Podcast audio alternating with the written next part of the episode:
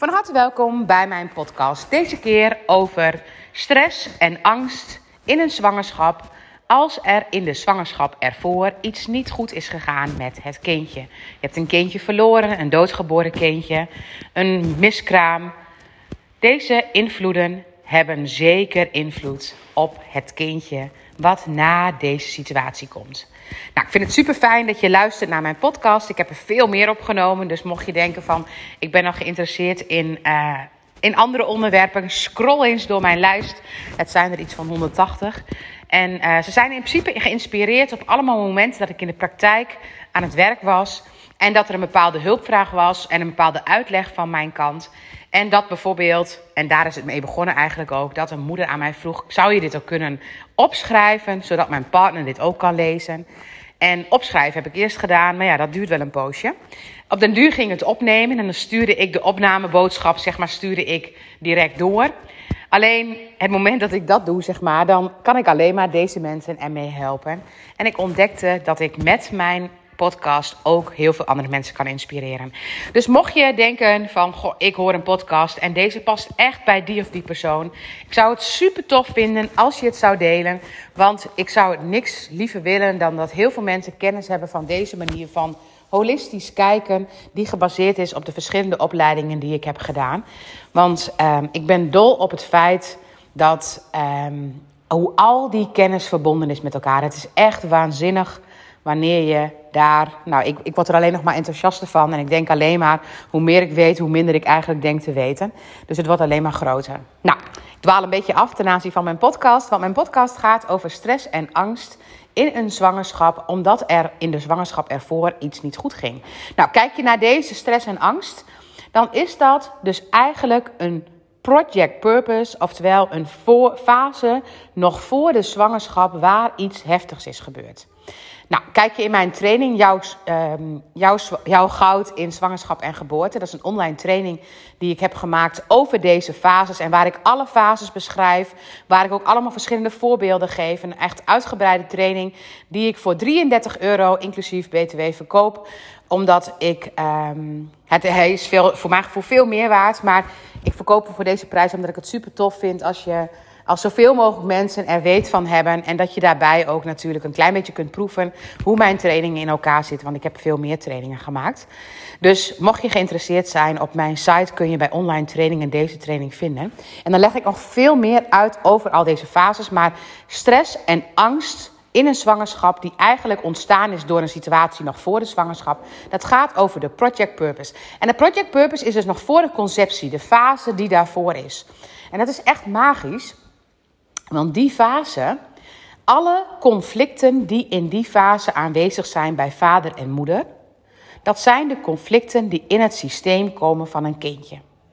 En nou moet je niet denken, oh jee, conflicten. Dit is nou eenmaal een van een beetje een vakterm vanuit de Germaanse geneeskunde die ik heb gestudeerd. Dus um, maak je daar niet bang voor, want iedereen heeft conflicten. Ik heb vandaag wel honderd conflicten wellicht gehad. Iedereen namelijk, want conflicten kom je heel veel tegen. Maar conflicten zijn eigenlijk een soort van dualiteiten. Iets wil ik wel en iets wil ik niet. Nou, het moment dat je een kindje verliest, nou, dat wil je niet. Je bent super verdrietig. Uh, je had het zo graag anders willen, zijn, en willen hebben. Nou, ik kan natuurlijk niet invullen wat je allemaal hebt gevoeld, want dat is voor iedereen anders. Maar het moment dat je beschrijft wat je allemaal hebt gevoeld: verdriet, uh, je had het graag bij je willen houden, gemis. Het zijn allemaal thema's die jij als moeder, maar ook een vader in die fase voor de zwangerschap van het volgende kindje hebt gevoeld.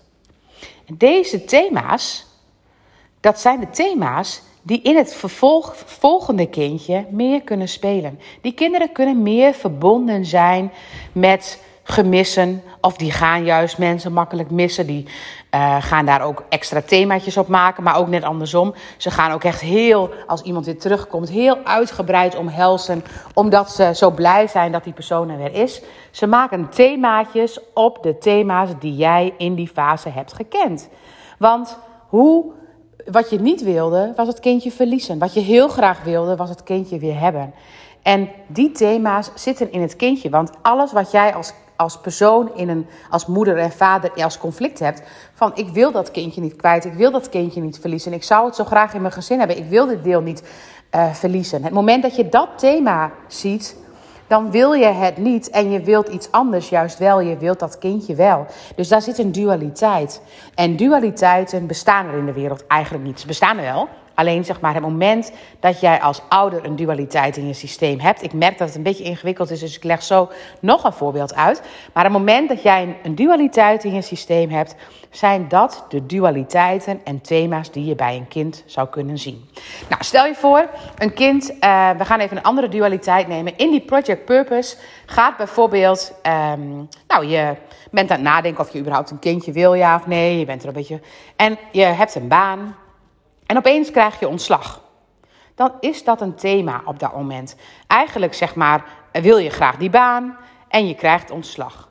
Je wilt een baan en je krijgt ontslag. Dus die twee, die twee conflicten, je hebt geen baan, krijg ik wel een baan, dat stresspuntje, dat zie je bij het kind die na die fase komt. Je moet ongeveer van die fase negen maanden rekenen zie je terug. Dat zijn de kinderen die als ze een baan krijgen, oh, opgelucht zijn dat ze een baan hebben. Of die misschien steeds bang kunnen zijn om ontslagen te worden. En zo heeft iedereen, zonder dat hij het door heeft, thema's in zijn systeem. Dus stel je voor, je bent heel, duurt heel lang voordat je zwanger bent. Dan wil je zo graag een kind dan voelt dit kindje makkelijk een extra druk op zijn schouders, omdat er zoveel verwachting is geweest in die fase daarvoor. Ook dat voelt een kindje. Al die thema's spelen mee. Maar is er een kindje wat er gemist, dan wordt er iets gemist. En het volgende kindje voelt dat missen. Ze zeggen ook heel vaak dat de kinderen die na zo'n situatie komen, bijna de meeste verbinding met zo'n kindje hebben. Terwijl er soms, dan denk je van ja, maar dat is het kind die er helemaal niks van meegekregen heeft. Dat kind heeft in die moeder gezeten, die gekoppeld is aan die situatie en die ook in die Project Purpose deze fase had. Dus die link met dat kindje is bij het kindje wat erna komt het allergrootst. En als je dan voor jezelf gaat opschrijven hoe je in die fase voor die zwangerschap dacht. Waar was je allemaal verdrietig over? Waar was je bang voor? Waar was je heel erg bang voor? Was je bang dat je het weer zou gaan verliezen? Als je dat, ik ben, was bang om het te verliezen, dan gaat het kindje wat erna komt steeds bang zijn iets te verliezen. Ze pakken het heel zwart-wit op in het brein, want ze hebben nou eenmaal nog alleen maar een reptiele brein. Dus ze denken heel zwart-wit alles. Dus het moment dat jij zeg maar dan iets verliest, je kindje, dan gaan zij echt heel dramatisch doen over een knuffel verliezen of iets anders verliezen. Dat zou zomaar kunnen. Dus je moet als, als je dit zou willen weten, wat voor imprintingen het heeft, schrijf dan voor jezelf eens op welke thema's jij had. Had je, um, had je het idee, zeg maar, dat het uh, jullie, jullie familie zou um, volmaken, zeg maar, dat kindje, en dat miste nu iets bij wijze van spreken, dan is het kindje altijd bezig met de hele familie samen. Alles moet samen, alles moet volmaakt zijn. Bij wijze, dat, het kindje gaat dat wat jij als thema's hebt, vergroten. En natuurlijk het moment dat je dan al die fases nagaat die in die zwangerschap en de geboorte er zijn. De eerste fase is dus die project purpose en de preconceptie. Nou, die preconceptie, dat is de fase nog voor de conceptie. Daar hoort eigenlijk die project purpose ook bij, waarbij je dus een kindje bent verloren. Maar durf je nog een nieuw kindje of ben je bang? Wat, wat, wat speelde er? Was je bang dat je weer een kindje zou gaan verliezen? Of was je eigenlijk, had je zoiets van, nou weet je dat, daar had ik wel vertrouwen in, dat het ook wel goed zou gaan.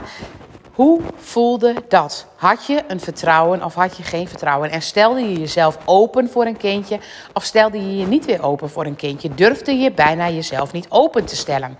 En durfde je jezelf bijna niet open te stellen, dan is het kindje wat er komt een kindje wat het moeilijk heeft om zichzelf open te stellen. Hij vindt het lastig om zichzelf helemaal open te stellen, omdat hij niet zeker weet wat hem dan gaat gebeuren. En ga je dan weer naar de volgende fase, conceptie, of dat in oervertrouwen of met oerremmingen gaan, dat is ook afhankelijk van hoe je dat ervaart. Durf je nog weer zwanger te worden of durf je dat niet? En is dat zeg maar echt vanuit ik wil dat heel graag of is dat Durf ik dit aan of durf ik dit niet aan? Ook daarin zie je bij dit kindje hoe jij je hebt gevoeld. Nou, die implantatiefase, dat is echt in het lichaam wat daar gebeurt. Maar natuurlijk, het moment dat jij heel erg behoefte hebt aan een kindje en dat het goed gaat, dan gaat het kindje de hele tijd in het proces, want de zwangerschap is een proces. En op het moment dat je in de zwangerschap daar een bepaald thema op hebt, gaat het kindje in dat proces steeds een thema hebben. Extra stress. Doe ik het wel goed? Gaat het niet goed? Dus het zijn de kinderen die tijdens schoolwerk bijvoorbeeld meer faalangst zouden kunnen hebben. Omdat het fout zou kunnen gaan. Omdat moeder in de zwangerschap bewust was dat het fout zou kunnen gaan. En in processen, dus een zwangerschap is eigenlijk een proces, gaan ze dan makkelijker spanning hebben of ze het fout doen of niet fout doen. En zo kun je al die fases, dan komt nog de ontdekking, je bent zwanger. En wat gebeurt er dan? Het moment dat je dan ontdekt dat je zwanger bent, durfde je dat helemaal te omarmen? Of dacht je, oh jee, nou als dit maar goed gaat. Het moment dat je er helemaal open in staat zonder een ervaring van een verloren kindje, dan durf je daar meestal open in te gaan. Maar het moment dat je dat een thema daarop hebt, dan ben je meteen koppel je de blijheid van zo'n positieve test aan het verlies van het vorige kindje.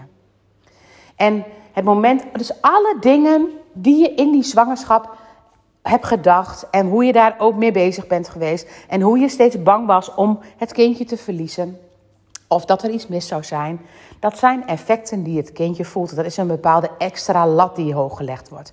Maar het moment dat jij het kindje vanaf jongs af aan al vertelt dat er nog een kindje voor is geweest. En dat het kindje, dat je die bent verloren. Dat hij er natuurlijk nog wel is, maar dat hij niet hier is. En dat hij er wel bij hoort.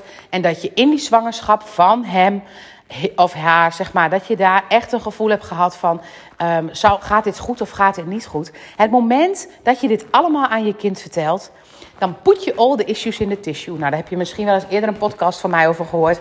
Laat alles er zijn. Wees er open over. Wees er niet een slachtoffer van. Het is een voldongen feit. En het moment dat het een feit is, en je kunt die lading ook die manier zien van dit hoort nou eenmaal bij mijn gezin. Dit is wat mijn gezin is overkomen. En als dat niet meer lading krijgt dan dat, alleen het hoort erbij, dan gaat het geen issues opleveren.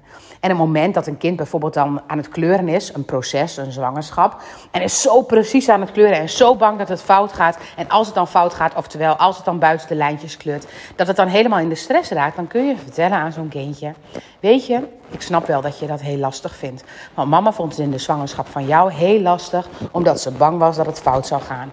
En kijk eens wat het kind dan reageert, want het is echt heel grappig. Kinderen weten dat dit met elkaar geassocieerd is. Wij als volwassenen kijken niet meer zo, maar een kind voelt nog precies dat het zo in elkaar gerijmd is.